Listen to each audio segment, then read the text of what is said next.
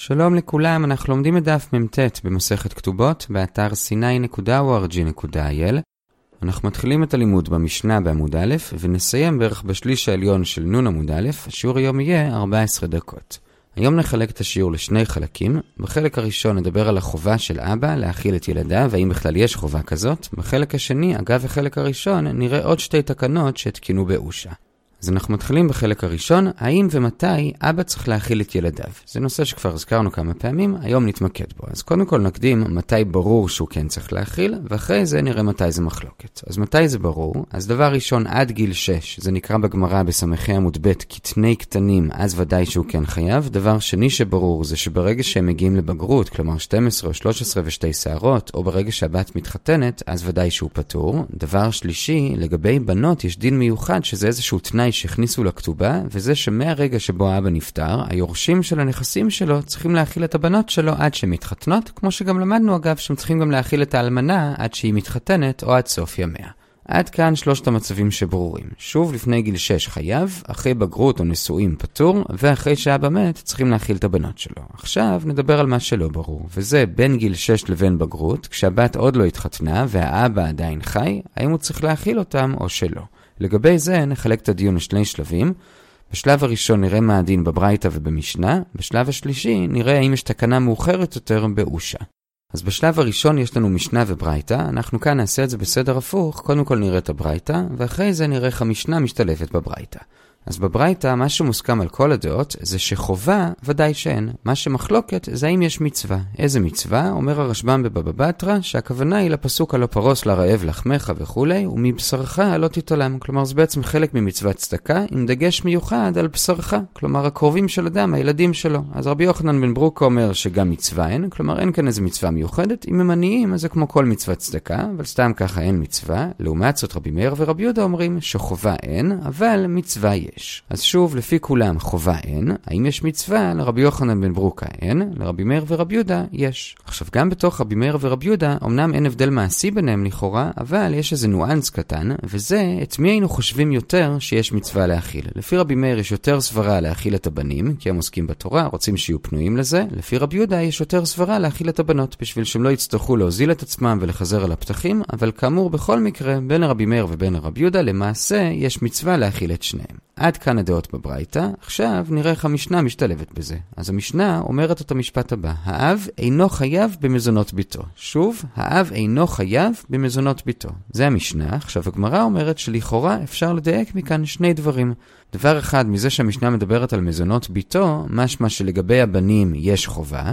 דבר שני, גם לגבי הבנות, מזה שהמשנה אומרת שחובה אין, משמע שמצווה יש. אז שוב יוצא מהמשנה שלגבי הבנות יש מצווה, לגבי הבנים יש חובה. זה לכאורה, הבעיה עם זה זה שזה לא מתאים לדעות בברייתא. הרי בברייתא לפי אף אחד אין חובה, וגם לגבי מצווה, בברייתא לא חילקנו בין בנים לבנות. לפי רבי מאיר ורבי יהודה בשניהם יש מצווה, לפי רבי יוחנן בן ברוקה בשניהם אין מצווה. ממילא, מה שדייקנו במשנה לא מסתדר עם הברייתא. לכן אומרת הגמרא, צריך לדייק במשנה בצורה אחרת, ואפשר לעשות את זה כך שזה יסתדר עם כל אחת מהדעות בברייתא. האפשרות הראשונה זה לסדר את זה עם רבי מאיר, שכאמור רבי מאיר אומר שבין לבנים ובין לבנות אין חובה ויש מצווה, אבל יש איזו עדיפות קלה לבנים. זה מה שהוא אומר, איך נכניס את זה למשנה? אז כאמור המשנה אמרה שהאב לא חייב במזונות ביתו, ונדייק מכאן כמו שאמרנו מקודם שמצווה כן יש, אבל זה לא רק לגבי בנות, גם לגבי בנים. ולמה המשנה דיברה דווקא על בנות? כי לפי רבי מאיר יש יותר סברה להכיל בבנים, ממילא המשנה רצתה ללמד שאפילו בבנות יש מצווה, וודאי שגם בבנים. אז בשניהם חובה אין, מצווה יש. זה לפי רבי מאיר. לפי רבי יהודה, המסקנה המעשית היא אותו דבר, רק שלדעתו יש יותר סברה להכיל בנות. ממילא נאמר במשנה כך,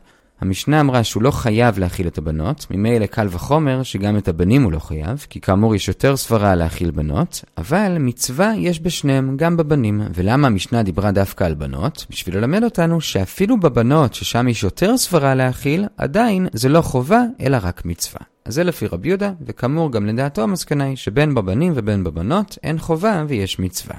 הדעה השלישית זה רבי יוחנן בן ברוקה, שלדעתו אין לא מצווה ולא חובה, לא בבנים ולא בבנות. איך זה נכנס למשנה? אז כאמור המשנה אמרה שאין חובה לזון את הבנות, ועל זה אומרת הגמרא שבאמת גם אין מצווה וגם אין בבנים שום דבר לא מצווה ולא חובה, וזה שהמשנה דיברה דווקא על בנות ודווקא על חובה, זה פשוט בגלל הסיפה של המשנה. כי בסיפה של המשנה, המשנה מלמדת משהו שהזכרנו בהקדמה, וזה שאחרי שאבא נפטר, אז כבר יש חובה לזון את הבנות, מהנכסים שהבנים ירשו ממנו. ממילא, כיוון שבסיפה מדובר על חובה וזה דין מיוחד בבנות, אז גם ברישה המשנה דיברה על חובה ועל בנות, כלומר שאין חובה בבנות, אבל האמת היא שגם אין מצווה וגם לא בבנים. בזה הגענו לרבע העליון של עמוד ב', ועד כאן השלב הראשון, ראינו את המשנה ואת הברייתא ואיך הן מסתדרות זו עם זו, כשכרגע למסקנה חובה ודאי שאין, לגבי מצווה, רבי יוחנן בן ברוקה אומר שגם אין, אבל רבי מאיר ורבי יהודה אומרים שיש, ומהמשך הגמרא משמע שככה ההלכה. כלומר, אין חובה, אבל יש מצווה. זה השלב הראשון. השלב השני זה שאומנם המסקנה כרגע זה שאין איזה חובה קדומה, כלומר לא מדאורייתא וגם לא מצווה דרבנן קדומה, אבל יכול להיות שיש תקנה דרבנן מאוחרת יותר, וזה באושה, ולגבי זה יש מחלוקת. רבי הילה אומר שבאושה אכן תקנו, שזה לא מספיק שזה מצווה, אלא אם תקנו שמעכשיו זה גם חובה. זה מה שאומר רבי הילה, אבל הגמרא עצמה התלבטה אם מה שהוא אמר נכון, והמסקנה שלה זה שזה באמת לא נכון, אלא זה רק מצווה ואין תקנה חדשה באושה. מאיפה היא הסיקה את זה? כי הגמרא מביאה אוסף של אמוראים שהם ניסו לשכנע לשכנע וללחוץ על אבות שונים להאכיל את הילדים שלהם. עכשיו, מזה שהם ניסו לשכנע באמת משמע שזה מצווה, אבל משמע שזה רק מצווה. כי אם זה היה חובה, הם לא היו צריכים לנסות לשכנע, הם יכלו פשוט לכפות עליהם. אלא מכאן שזה רק מצווה, ולא כופין על מצוות צדקה, ולכן אותם אמוראים היו צריכים ללחוץ ולשכנע, אבל לא יוכלו לכפות. אז זאת באמת המסקנה, זה רק מצווה ולא חובה, גם לא חובה מאוחרת בתקנה באושה, רק בסוגריים הגמרא מוסיפה שאם האבו אדם עמיד, אז למרות שזה רק מצווה, כן אפשר לכפות, כנראה כמו שאפשר לכפות לכפות במצב כזה בכל מצוות צדקה.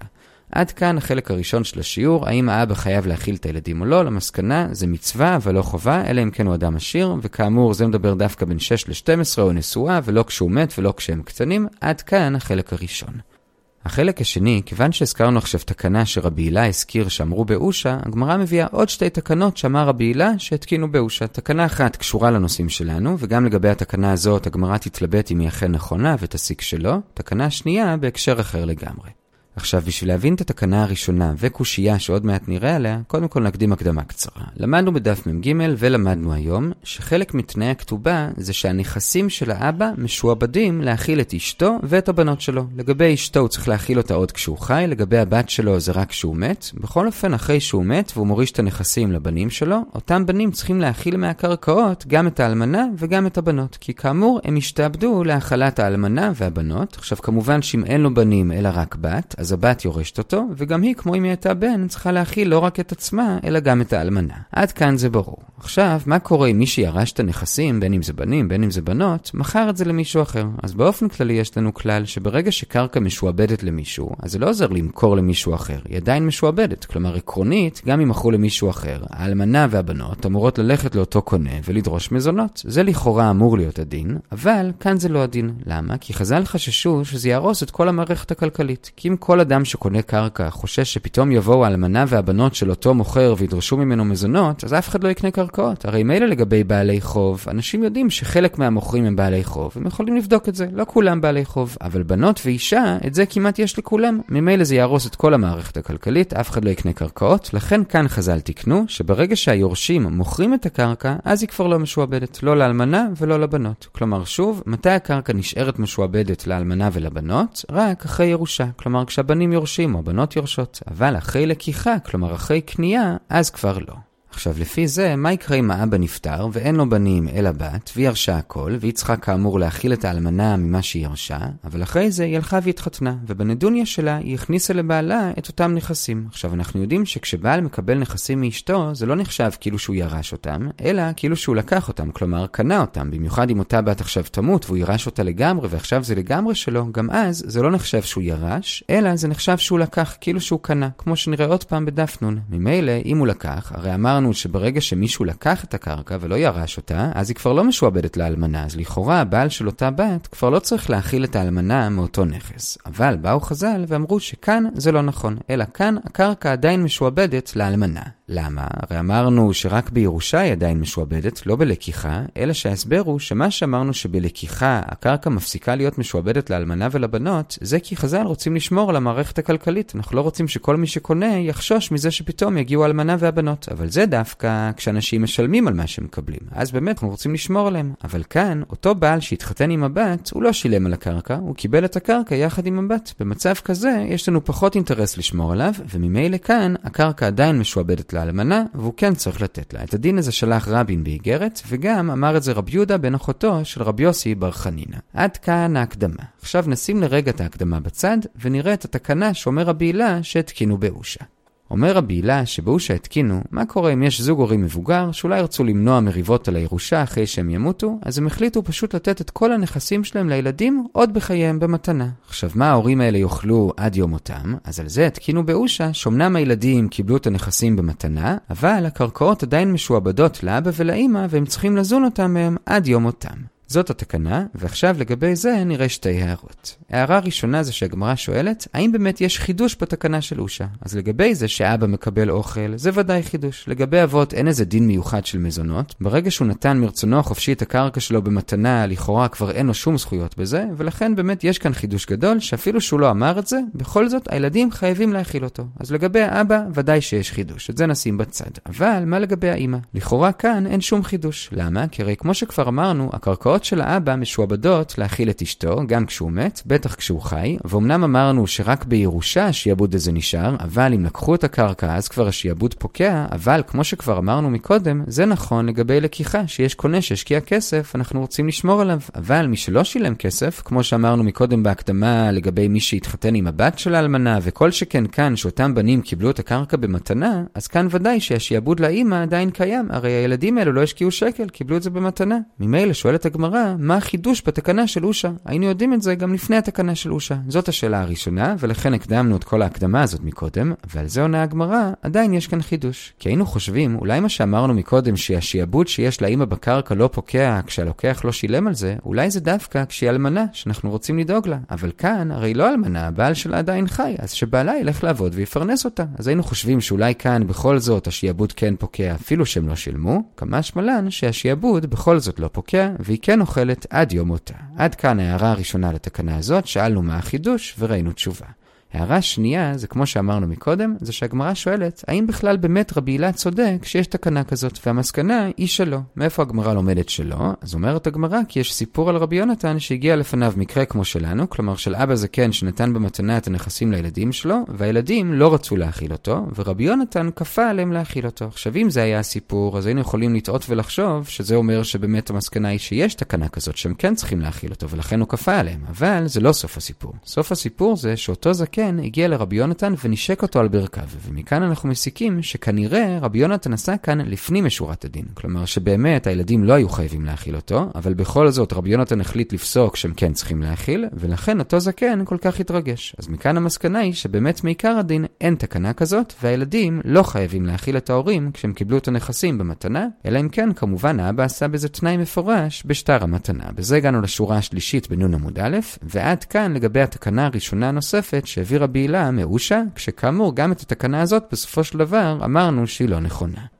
התקנה השלישית והאחרונה שאומר רבי הילה שתקנו באושה, זה לגבי כמה צדקה אדם צריך לתת. אז אנחנו יודעים שהרמה הבסיסית זה לתת מעשר, אבל מה לגבי מישהו שרוצה לתת יותר מזה? אז לגבי זה אומר רבי הילה שהתקינו באושה שהמבזבז אל יבזבז יותר מחומש. כלומר, המקסימום זה חמישית ממה שיש לו וממה שהוא מרוויח. זאת התקנה השלישית, ואת התקנה הזאת הגמרא לא דוחה, אלא אדרבה היא מחזקת אותה, גם מברייתא וגם מפסוקים. מברייתא הגמרא מביאה ברייתא ששם רבי ישבב או רבי עקיבא רצו לתת יותר מחומש, והשני מנע את זה ממנו, והברייתא גם מסבירה שזה בגלל חשש שמא אותו אחד שנותן, בסוף הוא עצמו יזדקק לבריות, זה הברייתא, ומהפסוקים רב נחמן לומד את זה מהפסוק וכל אשר תיתן לי, עשר אסרנו לך. אז הפשט של הפסוק זה מעשר, אבל כיוון שכתוב כאן עשר אסרנו, לומדים שבאמת אפשר לתת גם יותר. ועד כמה? עד שתי מעשרות. עשר אסרנו, כלומר עד חמישית. אז זאת התקנה השלישית שרבי הילה הזכיר של אושה, בזה הגענו לאמר רבי יצחק בערך בשליש העליון של נון עמוד א', בדף הבא נראה עוד תקנות של אושה, הפעם לא של רבי הילה, בכל אופן נעצור כאן, נחזור על מה שראינו. חילקנו היום את השיעור לשני חלקים. בחלק הראשון דיברנו על החובה של אבא להאכיל את ילדיו. הקדמנו שעד גיל 6 הוא ודאי חייב, מגיל בגרות הוא ודאי פטור, עד שהוא מת שאז הנכסים שלו משועבדים להאכיל את הבנות, כמו שמשועבדים לאלמנה. הנושא שלנו זה כשהאבא עדיין חי, בין גיל 6 לבין בגרות. האם יש חובה או שלא. לגבי זה ראינו ברייתא, בברייתא לפי כולם אין חובה, יש מחלוקת אם יש מצווה. לפי רבי מאיר ורבי יהודה יש מצווה, כשלרבי מאיר יש העדפה מסוימת לבנים, לרבי יהודה העדפה מסוימת לבנות, אבל לשניהם יש מצווה. לרבי יוחנן בן ברוקה גם מצווה הן. זה בברייתא. במשנה כתוב, האב אינו חייב במזונות ביתו, לכאורה מכאן מדויק שלבנים הוא חייב ולבנות יש מצווה, כלומר לא כמו אף אחת מהדעות בברייתא, אבל הסברנו שזה לא דיוק נכון, ואפשר לסדר את המשנה עם כל אחת מהדעות בברייתא. בכל אופן למסקנה, בהנחה שפוסקים כרבי מאיר ורבי יהודה, אין חובה, אבל יש מצווה. השלב הבא זה האם יש תקנת חז"ל מאוחרת יותר באושה, רבי הילה אמר שכן, אבל הגמרא מסיקה שלא, כי מביאה אוסף של סיפורים של אמוראים שניסו לשכנע את האבות לתת, אז כנראה שמצווה יש, אבל חובה אין, כי אם היה חובה, היו פשוט כופים עליהם. בסוגריים הוספנו שאם זה היה בעמיד, אז גם אם זה רק מצווה, כופים עליו לתת. עד כאן החלק הראשון. בחלק השני ראינו עוד שתי תקנות שרבי הילה אמר שהתקינו באושה. תקנה אחת זה שאם אבא נתן במתנה את הנכסים במתנה לילדים שלו, אז הנכסים עדיין משועבדים להכיל את האבא ואת האימא עד סוף ימיהם. על זה הערנו שתי הערות. הערה ראשונה זה שאומנם לגבי האבא זה חידוש, אבל לגבי האימא זה לא חידוש, כי הרי ממילא הנכסים של האבא משועבדים לאימא, וגם אחרי שהאבא מת ויש יורשים, אז עדיין זה משועבד לאימא, ואומנם אם היורשים מכרו את זה אז זה כבר לא משועבד, אבל כל עוד זה ניתן למישהו אחר שלא בכסף, כמו למשל אם הבת התחתנה ומתה ובעלה ירש אותה, או כמו במקרה שלנו שזה במתנה, אז עדיין זה משועבד, אז מה החידוש? עונה הגמרא, החידוש הוא שכאן האבא קיים, אז לכאורה הוא יכול לפרנס את אשתו ולא צריך שהקרקעות יהיו משועבדים לה, כמה שמלן שבכל זאת עדיין הם משועבדים לה, זאת הערה אחת. הערה שנייה זה שהגמרא אמרה שבאמת גם התקנה הזאת לא נכונה. הראיה שרבי יונתן פסק לילדים להאכיל את האבא הזקן שלהם שנתן להם קרקע, והזקן מאוד התרגש מזה שהוא פסק כך, משמע שזה היה לפנים משורת הדין, אבל באמת הם לא חייבים להאכיל אותו, ולכן דוחים גם את התקנה הזאת. ותקנה שלישית שאותה לא דוחים, וזה שגם אדם שרוצה לתת יותר ממעשר לצדקה, המקסימום זה חומש. אנחנו רואים את זה גם בברייתא, וגם יש לזה סמך מהפסוקים, כי כתוב עשר אעשרנו לך, משמע שתי עשיריות, כלומר חמישית. כל טוב.